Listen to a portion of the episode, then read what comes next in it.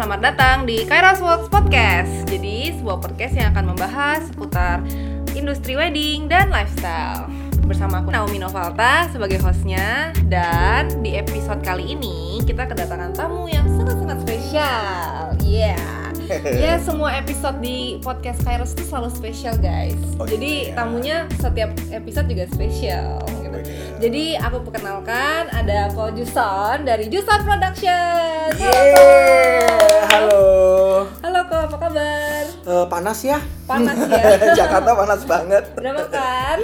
Udah, Oke, syukurnya jadi sudah udah. punya energi untuk menjawab Hmm. pertanyaan-pertanyaan saya. Betul sekali, karena kalau nggak belum makan nih ya siang-siang kayak gini bikin emosi. Gitu. Iya, rasanya stres gitu ya. Stres, Iya, gitu. oke. Jadi kita di sini akan ngebahas uh, how to plan your wedding nih. Jadi tema diskusi Hmm. kita hari ini tuh gimana caranya klien itu uh, plan their wedding gitu loh. Tapi Yes, sebelum yes. itu aku pengen dong kok uh, nanya-nanya sedikit nih Oh, boleh banget. Iya, pasti kan kayak orang-orang mau tahu dong kayak Juson tuh udah berapa lama sih kira-kira di industri wedding gitu loh. Ada cerita sedikit lah background Juson kok dari yang misalnya bisa ada uh, kepikiran gitu mau jadi wedding planner. Mm-mm. Wah kalau diceritain sih agak panjang ya, Iya, mungkin ini tiga jam sendiri ya. Oh, gitu ya. lah Jadi kalau awal banget itu nggak kepikiran yang namanya pengen uh, bisnis di wedding industry. Yes. Karena aku ambil visual communication design. Oh, visual Gitu. communication design. Dan itu uh, completely nggak ada hubungannya sama yang namanya dunia uh, kawin mengawin nih gitu iya, kan beda ya. sekali ya. Ya ada desain, creativity kayak Yes. gitu. Cuman setelah lulus terus kerja dan sebagainya kayak ngerasa bahwa yang namanya kerja itu cuma cari duit, Mhm. Naomi. Karena aku ngerasa happy-nya itu tanggal 1 sampai tanggal 10. Iya. Which is after gajian gitu setelah loh. itu ya. Setelah itu kayak men kenapa gua ada di depan laptop ini ya kayak gitu atau ngerjain ini itu ini itu yang memang nggak happy Iya. tapi itu sesuai dengan harus uh, dilakukan. harus Iya. dilakukan karena itulah job desk dan untuk apa uh, dan memang kita dibayar untuk itu Iya. gitu terus satu waktu ada mantan pacar ceritanya Jadi ini bermula jadi dari ini, ini mantan agak-agak kekasih. drama kan nah kayak gitu dia bilang eh kamu kenapa sih nggak cobain yang namanya mm, MC di wedding gitu loh. Oh, duitnya kenceng loh. Nah Wes. waktu dia bilang duitnya kenceng bener juga kenapa nggak gue coba gitu loh Naomi Oh, jadi MC dulu nih. jadi MC dulu MC. nih kalau balik ke belakang itu MC dulu MC. oh yaudah deh coba deh Coba, coba Nah, deh. saat itu belum belum ngehits nah, sama yang namanya WO WP atau Iya, apa iya. itu biasanya panitia keluarga Oh, oke. Dulu zaman dulu tradisional ya. Bener, nah aku coba deh. Yaudah deh aku coba deh gitu kan. Akhirnya dari situ tenggat aku dapet yang namanya beberapa klien. Oh, dari MC itu udah Dari terkenal MC, jadinya. Oh terkenal. Iya, aduh ayo gitu pakai kan. Aja. Dari panggung ke panggung kayak gitu kayak Iya. penyanyi dangdut kayak gitu kan. Gitu ya, dari panggung ke panggung. Hmm, udah kira gitu. dari hotel ke hotel. Maksudnya panggung hotel. Oh, panggung kayak hotel, gitu. boleh, Nah, salah satu yang yang yang aku boleh bangga dan bersyukur banget memang dari pertama itu aku dapat kesempatan itu langsung ke hotel bintang 5 dan Wih, itu gila. satu satu satu satu keuntungan tersendiri lah untuk Langsung ke Jora ya. untuk ke- eh, untuk nge-branding diri aku Yes, gitu. benar. Nah, karena tidak karena tidak tidak tidak populer dengan yang apa yang namanya WOWP kayak gitu, banyak banget couple atau family, parents yang bilang, "Oh, nanti ini acaranya kayak gimana ya?" Lah, ini kan MC, ngapain Iya, juga iya. bikinin acara kayak gimana? Iya. Yang ada lu kasih ke gue rundown atau acaranya pengen kayak gimana? Bukan kita pengen Prepare acaranya si MC ya, gitu kan. Iya, iya. Tapi nggak apa-apa, karena uh, balik lagi ke passion kan. Oke, yo Gitu nggak apa-apa. kan. Aku passion ngomong gitu loh. Jadi asli deh. heeh, menghibur orang kayak gitu kan. Dan oh ya udah deh, eh, diginiin aja Om, diginiin aja Pak, diginiin Jadi aja. suggest suggestion gitu Heeh. ya ke keluarga. Sampai akhirnya at some point ada couple atau klien yang bilang, "Kenapa kamu nggak yang bikin acaranya aja ya?" Iya. Nah. Jadi maksudnya saya merit gitu. kayak Oh, gitu. bukan ya? Bukan. Yang Nah, oke. dari situ, oh pertama agak-agak nggak berani kan, karena kan no experience, lebih kepada resepsi itu sendiri. Tapi kalau yang bener-bener the full day itu nggak kebayang gitu kan. Iya Tapi nggak apa-apa, coba karena Coba. itu karena klien toh percaya sama kita Iya, gitu iya. kan. Dan beberapa kali memang mm, walaupun cuma nge-MC acara resepsi, tapi kita juga karena dari dulu eh, terlibat dengan sekian banyak hal sebelum resepsi itu berlangsung gitu. Oh, jadi udah hadir dulu, jadi udah tahu ya Hmm. backstage-nya tuh gimana. Mak lo masih muda, jadi niat banget. Oke, Semuanya oke. gue juga kerjain Dijabanin gitu deh, kan. gitu. Jaban- jabanin karena kan hal yang baru membuat kita jadi semangat banget kan Iya, Naomi. iya, iya. Nah, akhirnya Industri dari baru ya. Mm-mm. Nah, di situlah cikal bakal. Cikal nah, bakal, cikal bakal bibit-bibit. ternyata oh ternyata gue dipercaya ya dan hasilnya juga bagus membuat si klien happy nah dari Iya. situlah ngerasa bahwa oke ini talent yang sah, sah eh, talent lain yang Tuhan kasih ke aku Iya. untuk aku bisa organize dari yang namanya sebuah acara atau wedding Iya, benar. Kayak Jadi jadi gitu. wedding planner dong. Mm-mm, itu sejak tahun 2009 Oh, lama banget udah 10 tahun ya, gengs. Hmm, 10 bener. tahun yang Tapi kalau yang. MC-nya itu masih uh, masih ABG aku malahan. Jadi sebelum Oh. tahun 2009 itu yang aku udah MC karena MC itu kira-kira udah 2 tahun 3 tahunan baru yang namanya Eh, kita dipercaya Oh, untuk bikin acara planner. itu. Oh, gitu. Jadi bisa kayak 10 years challenge ini udah eligible ya? Eh, eligible More than 10 years banget. challenge ya nanti. Gitu.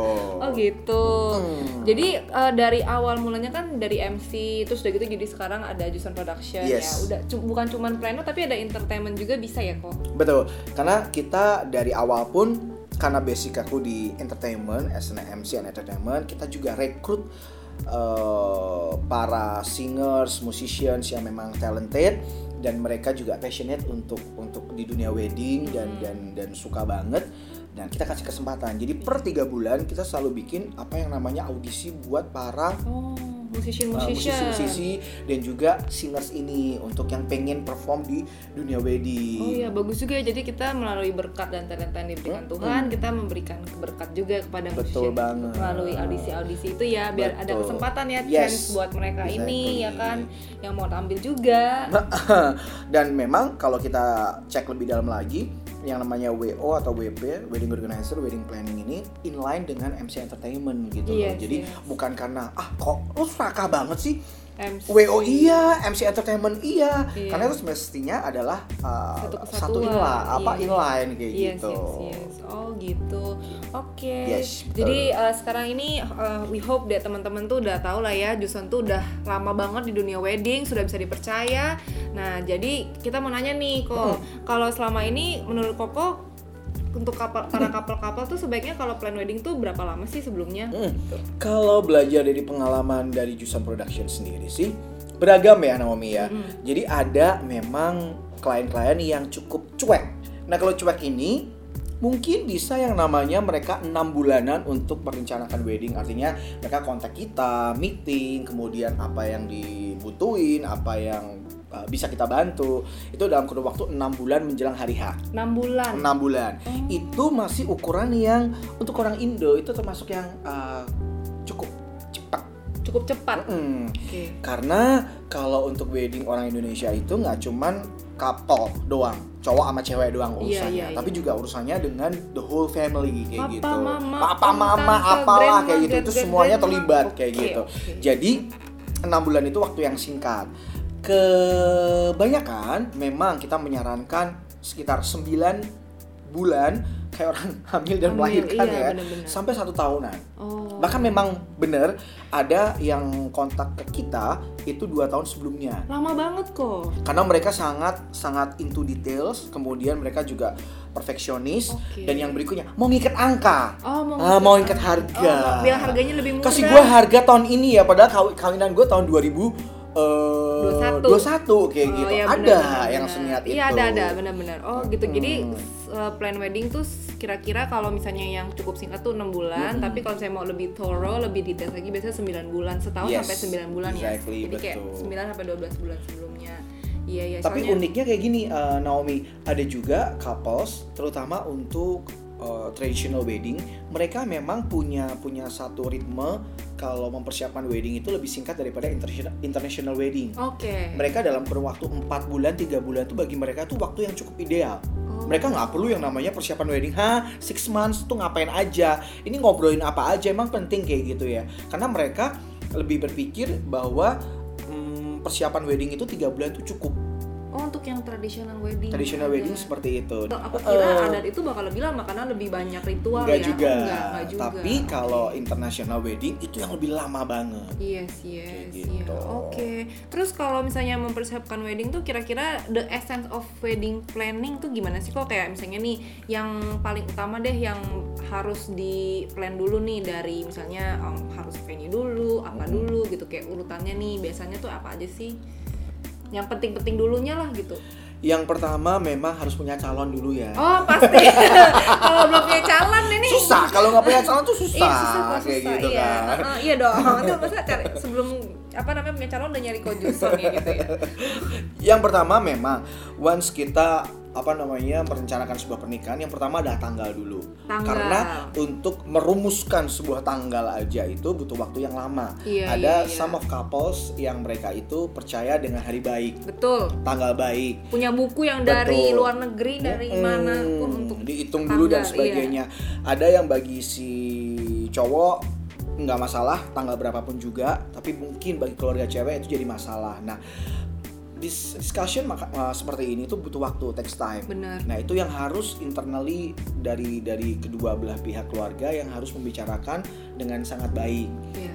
Nah itu yang pertama. Terus kedua memang harus open. Open artinya gini, jujur satu dengan yang lainnya dari antara couple ini bahwa kita akan membelanjakan sebesar apa atau sekecil apa. Oh, untuk jadi rencana budget ya, budget. Budgeting itu penting banget. Oke, tanggal Karena- budget gitu. Yes, karena buat apa kita ngomong panjang lebar, eh, jauh banget, dalam banget, tapi ternyata semestinya kita itu eh, belum secara rinci mengetahui bahwa seberapa banyak sih yang, kita bisa akan belanjakan. kita- iya. Jangan berpikir terlalu panjang sementara kita nggak mengukur atau kita nggak ngecek Saku details kita saku gitu, kita seperti iya. apa. Ja- Jadi Nanti wed- malah bolong. uh, we- wedding is not about uh, everything that you want kayak gitu loh. Tapi juga juga kita memikirkan bahwa kamu tuh punya pu- punya punya dana sekian Iya. untuk yang dibelanjakan nantinya. Bener-bener. Dan pasangan Gitu. juga ya. Betul. Kemampuannya juga kan. Uh, Oke. kemudian uh, lebih lanjut lagi ya misalkan apakah internasional ataukah tradisional. Mm-mm. Kemudian karena banyak juga traditional wedding yang juga sekarang semakin disimplify, lebih lebih disederhanakan, Iya, iya. jadi nggak ribet Iya pada hari H. benar. Kemudian bener juga kayak jumlah tamu perlu ditentukan karena jumlah sedikit banyak sedang itu akan mempengaruhi dari konsep uh, reception itu sendiri, pesta itu sendiri, kemudian melibatkan uh, sekian banyak orang atau sekian sedikit orang, kemudian venue-nya yang cocok Oh seperti iya apa. benar, iya. Tamunya banyak, ininya besar, tamunya dikit yang lebih intimate Untuk ya. apa kita mau ngundang sekitar 200 intimate tapi ternyata pilihnya adalah grand ballroom yang untuk 2000 orang Iya, kan, useless. useless ya, mau dibikin apa? money. uh-uh. Oh gitu. Jadi pertama tuh kita tanggal dulu ya, tanggalnya tanggal berapa. Betul. Terus kayak udah ada omongan budget, habis budget itu baru nanti kita ke yang oh mau kawinannya seperti apa nih? Kira-kira Yes, yang internasional, apa yang lebih lebih tradisional. Terus ada jumlah tamu karena itu akan menyesuaikan juga kan sama Venue-nya balik lagi venue-nya gitu loh. Terus ba- kembali lagi ke budget, ya kan? Hmm. Oke deh, terus nah apa sih namanya kalau misalnya tips dan triks nih kok gitu loh. Kira-kira eh, sebagai wedding planner nih dan yang kan sudah punya banyak pengalaman lah ya dan Koko juga sudah married dan punya anak gitu loh. Jadi pasti udah tahu dong kayak tips sama trik atau kalau nggak pesan-pesan nih Koko mau kasih tahu nih calon bride and groom kita ah kamu kan baru pertama kali nih nih aku kasih wejangan gitu. Kira-kira apa wejangan? Yang pertama, kalau aku boleh saranin sih jangan terlalu into trends. Oke Artinya gini, banyak banget yang namanya couple tuh, eh gila lagi tren tuh kawinan warnanya merah atau lagi tren tuh adalah warnanya putih kayak gitu. Oh. Hanya for the sake uh, weddingan itu ngikutin tren. oke Padahal semestinya itu nggak sesuai dengan apa yang kita mau. Hanya sekedar apalagi ya millennials yang pasti pokoknya keren banget waktu gua pajang di Instagram. oh Ya gitu. udah dua tahun lagi, dua tahun lagi atau setahun lagi bahkan itu akan jadi sesuatu yang kuno. Kayak ini kalau gue lihat-lihat ngapain ya gue juga kawinan kayak begitu ya. Iya, jadi Ah, kayaknya nggak abadi ya. Jadi kalau aku boleh saranin adalah hmm, coba cek diri sendiri, jujur dengan diri sendiri, apa sih yang mau ja- jadi jadi jadi ke- keinginan kita yang paling dalam. Iya, Your dream wedding yang bener-bener itu adalah kamu banget, make it personal. Oke. Nah itu lebih tepat. Jadi Make it- lebih true to yourself. Hmm, exactly. Jadi and be personal.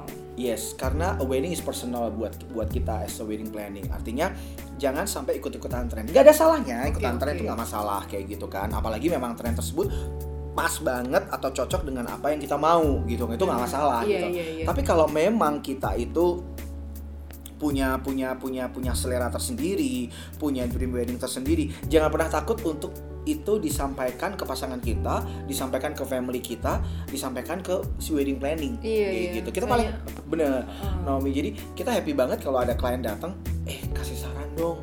Oke. Kan dari Misalnya. kita pernah yang namanya aku nggak mau putih di saat tren yang namanya wedding itu kan all Putih, white, grey, terus kemudian uh, clean kayak gitu. Kenapa? Karena nih couple dua-duanya suka yang namanya gothic style. Kamu. Oh, Jadi, jadi, hitam. dia mau hitam, gak ada goldnya ya. Kalau hitam dan gold kan uh, kayak apa tahun Masih kayak sekitar tahun tahun 80-an. uh, apa tuh yang namanya? Great Gas uh, Oh, Great Gatsby. Gatsby kayak Great gitu kan. Gatsby. Nah dia nggak mau kayak gitu. Jadi Oh. bener-bener dia black kemudian pokoknya lebih dominan black karena mereka dua-duanya termasuk si Parisnya doyan yang namanya hobi ini. Gods Hobinya God. adalah uh, ini apa namanya Hmm, Harley Davidson. Oh Harley Davidson, Harley sukanya berarti yang kayak gimana itu ya? Jadi laki banget gitu iya, loh, gila, manly kayak- banget. ah, Walaupun ah, nih ah. cewek. Oh, kayak gitu. Gitu-gitu. Oh, Mm-mm. oke, Jadi nggak ada oke. feminin sama sekali. Nah, Oh. itulah yang mereka mau bikin. Nah, bagi kita itu malah sesuatu yang Oh. wah, ini oke banget nih bikin kayak begini gitu Iya. kan. Pakai lipstiknya warnanya ungu. Bener. Jadi dia nggak terlalu kecewa-cewean, even though dia apa eh, apa namanya cantik banget, tapi dia gue nggak mau ah yang kayak gitu. Nah, Ah. men- menurut kita, menurut kami nih, kita akan lebih lebih lebih lebih happy dengan couple yang yang terbuka seperti itu dibandingkan ya udahlah karena trennya ini yang namanya kawinan tuh Iya, ya kayak iya, begini ya udah kayak Oh. gitu. Tapi kalau klien-klien Jusan sendiri nih kok yang datang ke koko gitu, Hmm. biasanya mereka ada nggak sih yang kayak, aduh aku bener-bener nggak tahu nih maunya apa gitu loh. Kayak kan bingung ya, kan Mm. nggak semua orang tuh tahu apa yang mereka mau. Kayak tadi koko bilang misalnya kayak, iya kita harus be true to ourselves. Terus kita juga mesti kayak eh, apa sih namanya mikirin kalau uh, wedding itu kan eh, sebenarnya tuh untuk selamanya ya. Tapi kalau misalnya kita nggak tahu nih, kayak kita very blank, aduh kok aku bener-bener nggak tahu nih, aku mau ngapain dengan wedding aku itu gimana kok ya menurut koko? Kalau dari 100% klien sih yang bener-bener aduh gue nggak tahu ya apa yang gue mau ya Iya, atau kan atau pasti aduh nggak ngerti lah." deh kayak gitu itu pasti ada cuman mungkin paling hanya 10 sampai 20 persen Oh. kayak gitu jadi misalkan perbandingannya itu ada satu atau dua klien yang no clue at all dibandingkan 80 sampai 90 persen klien yang mereka udah tahu Oke. apa yang pengennya mereka mau. apa ya? At least kayak tadi, setidaknya mereka aku mau yang kayak gini aja deh dengan Instagram dengan Oh. dengan kekuatan sosial media seperti ini, mereka sangat mudah untuk menentukan apa yang mereka mau. Eh, walaupun mungkin mereka nggak nggak ada keinginan dulu Iya, iya. Tapi awalnya. Tapi lihat-lihat. Tapi gara-gara lihat jadi lama pengen. ya udah deh,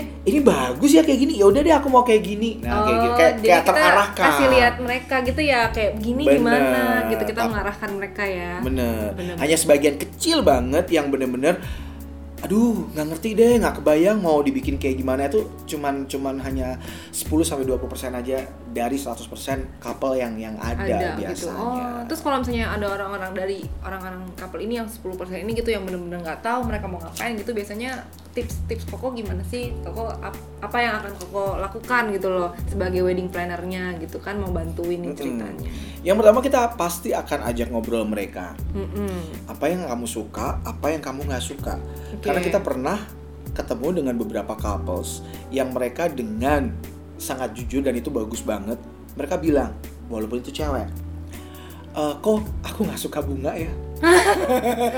Coba Oh, bayangin, gitu. Jadi kawinan gak ada kembang. Kok Jadi dia langsung bilang, kok gimana caranya seminim mungkin memakai yang namanya daun. kembang? Oh kembang. Dia nggak suka kembang. Nggak suka Loh, kembang, masa daun, daun. hijau semua? Enggak, enggak, daun pun enggak Oh, dia daun bilang kayak gitu. suka. Jadi dia lebih suka konstruksi. Konstruksi. Hmm, jadi dia lebih bata-bata Heeh, misalkan gitu. bata atau misal Aduh. pokoknya eh, sisi-sisi yang namanya per apa perbungaan itu diminim, diminimalkan kayak gitu. Oke. Walaupun ada, Aduh, tapi nggak usah terlalu berbunga-bunga. Padahal kan yang namanya kawinan itu identik dengan sesuatu yang sweet, beautiful, yes. floris kayak gitu, pinky-pinky apalah kayak gitu. Nah, Feminine. dia nggak dia nggak kayak gitu.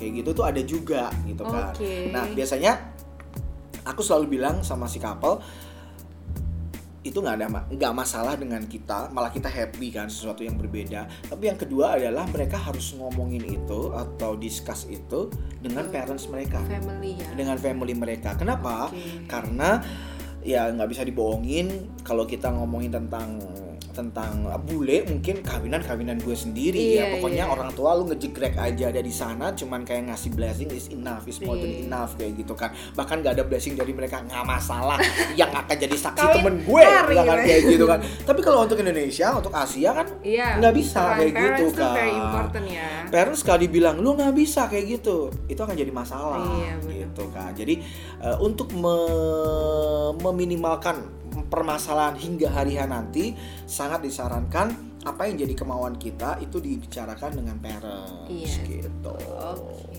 Nah, untuk terakhir nih, aku pengen tahu nih dari banyak sekiannya wedding planning tuh pasti dong ada yang sering ke skip gitu loh. Ada yang sering ke skip, ada yang preparationnya tuh pasti last minute lah gitu loh. Biasanya tuh apa aja sih yang suka terlupakan gitu kan? Pasti masalah-masalah besar nih, dekor besar kayak Mm-mm. tadi adatnya juga besar kan mesti dibicarain internally gitu. Tapi pasti ada hal-hal perintilan lah kan pasti wedding tuh banyak kan perintilan kecil yang sering ke skip tuh apa sih kok biasanya? semestinya kalau bisa dibilang adalah bukan ke skip Oke. karena kita as a wedding planning Bakal kita tuh punya yang remind namanya ya? checklist Oke, oke. ya kan nah kita itu nggak bisa yang namanya kerja sendiri. Harus kerjasama dengan si couples atau Benar. dengan family. Artinya sedetail-detailnya si WP untuk memberikan list dan juga menanyakan begitu banyak hal dan juga mengingatkan begitu banyak hal kepada si klien.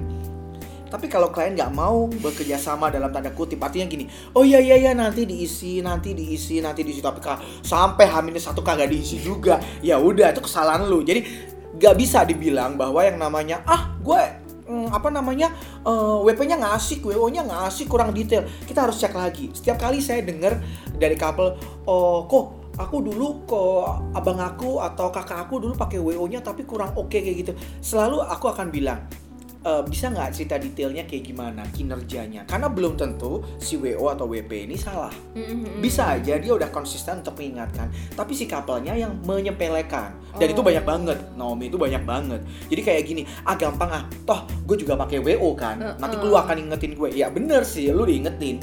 Tapi kalau lu juga tidak do your part, kita juga susah, susah ya banget karena memang ada bagian-bagian yang mesti dikerjakan oleh si couple itu sendiri atau family iya iya, iya. kayak gitu. Nah biasanya kalau ditanya ke skip atau last minute ada berubah dan sebagainya itu hal-hal yang sifatnya kayak gitu. oh Jadi mereka menyepelekan atau mengecilkan atau nggak nganggep ah itu nanti aja tarsok tarsok aja deh kayak gitu-gitu. Ntar aku tanyain atau gampangin misalkan gini.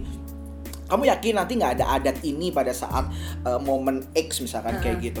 Eh aku nggak mau ah kayak gitu ribet deh kayak gitu. Oh coba kamu tanyain ke mama papa. Ah lebih baik mereka nggak mau, lebih baik mereka Nggak tahu, tahu. iya. Jadi jangan ditanyain. Dan bener Pas hari H H, ternyata ada yang nanya gitu kan. Loh kok ini nggak ada ininya? masuk, Biasanya iya. kan ada kayak gininya. iya Terus dengan gampang ya sama Nah, dengan gampangnya nanti si parents akan bilang kan, giveaway-nya gimana sih? Padahal kita udah ingetin ke dia Couple-nya. bahwa hey, ini mau ada momen ini enggak kayak Oh. gitu. Makanya biasanya di Jusan Productions ini kita selalu minta yang namanya meeting dengan parents. oke Pertama kenalan dan yang kedua adalah kita akan menggali lebih dalam lagi semestinya ada nggak keinginan-keinginan dari si parents atau titipan uh, sesepuh dari keluarga tersebut yang si couples ini uh, nggak pernah tanyain atau uh, males nanyain atau takut menanyakan nah kita bantu Oh. sehingga keinginan dari si couple sama Family-nya. needs-nya dari si family atau parents itu Terpenuhi. semua jadi everyone itu happy Iya, jadi kayak it's a way of communication ya. Oh, oh. Jadi biar communicationnya kita juga, oh jadi misalnya kalau ada beberapa yang mau misalnya nggak nggak terjadi atau yang mau di skip sama couple-nya, tapi parentsnya juga udah tahu sebenarnya itu keinginannya dari couple-nya. Iya, kita betul. melakukan ini atas dasar apa? Sebab kita sebagai sekali. vendor gitu kan kita hari H kita nggak tahu ya, ntar gimana kan orang tuanya. karena kita nggak nggak nggak Iya. bisa yang namanya hanya memihak dari sisi couples doang tanpa kita me- memikirkan dari sisi orang tua juga Iya. karena pasti kan orang tua tuh ada rasa bangga ketika anaknya tersebut uh, married. Married, iya dong. Sementara kan gue pengennya kayak gini juga ada keinginan kok ini Iya. nggak nggak tersalurkan dengan iya, baik benar-benar. kayak gitu. Oke. Oke oke, udah kayaknya Gitu. kita udah berbincang cukup lama ya Niko. Cukup lama ya, berapa Iya. menit ya kita ya? Iya, Dua sudah. hari ya? Sudah lama banget kita bincang. Nggak apa-apa, jadi kalau kalau lagi dengerin di mobil macet-macet Jakarta Oh, tuh biar- 30 menit nggak berasa Oh loh. iya, biar sampai satu jam gitu ya. Gitu. ya udah, anyway, kayaknya uh, aku mau mengakhiri diskusian kita untuk pada hari ini. Hmm, Uh, sudah cukup juga aku tanya-tanya sama Ko Judson. Thank you banget loh. Iya, thank you banget kok udah mau mampir ke studio kita ini. Hmm. Uh, terima kasih juga udah untuk waktunya Hmm. yang panas-panas Thank datang you banget for the coffee loh ya. Ya, Jadi melek kan. Iya, eh, teman-teman jangan lupa ya eh, di follow IG-nya Juson Productions. Yeay. Eh, jangan lupa juga kalau misalnya eh, mau nanya mau wedding atau mau em, ada saudara teman gitu yang mau mau merit kontak ke WO-nya Juson Productions ya. Eh, kita juga event juga loh, jadi Oh. nggak cuma hanya Mau wedding. corporate juga ada. kita corporate event. Oke, Terus tuh, kan to beberapa know. kali beberapa kali udah selama empat tahun terakhir kita organize ya, apa namanya corporate ataupun company company event Oh. kayak exhibition juga kita kerjain dan Tuh guys, teman-teman, tuh bisa mau ada event apa, exhibition gitu, boleh kontak Birthday.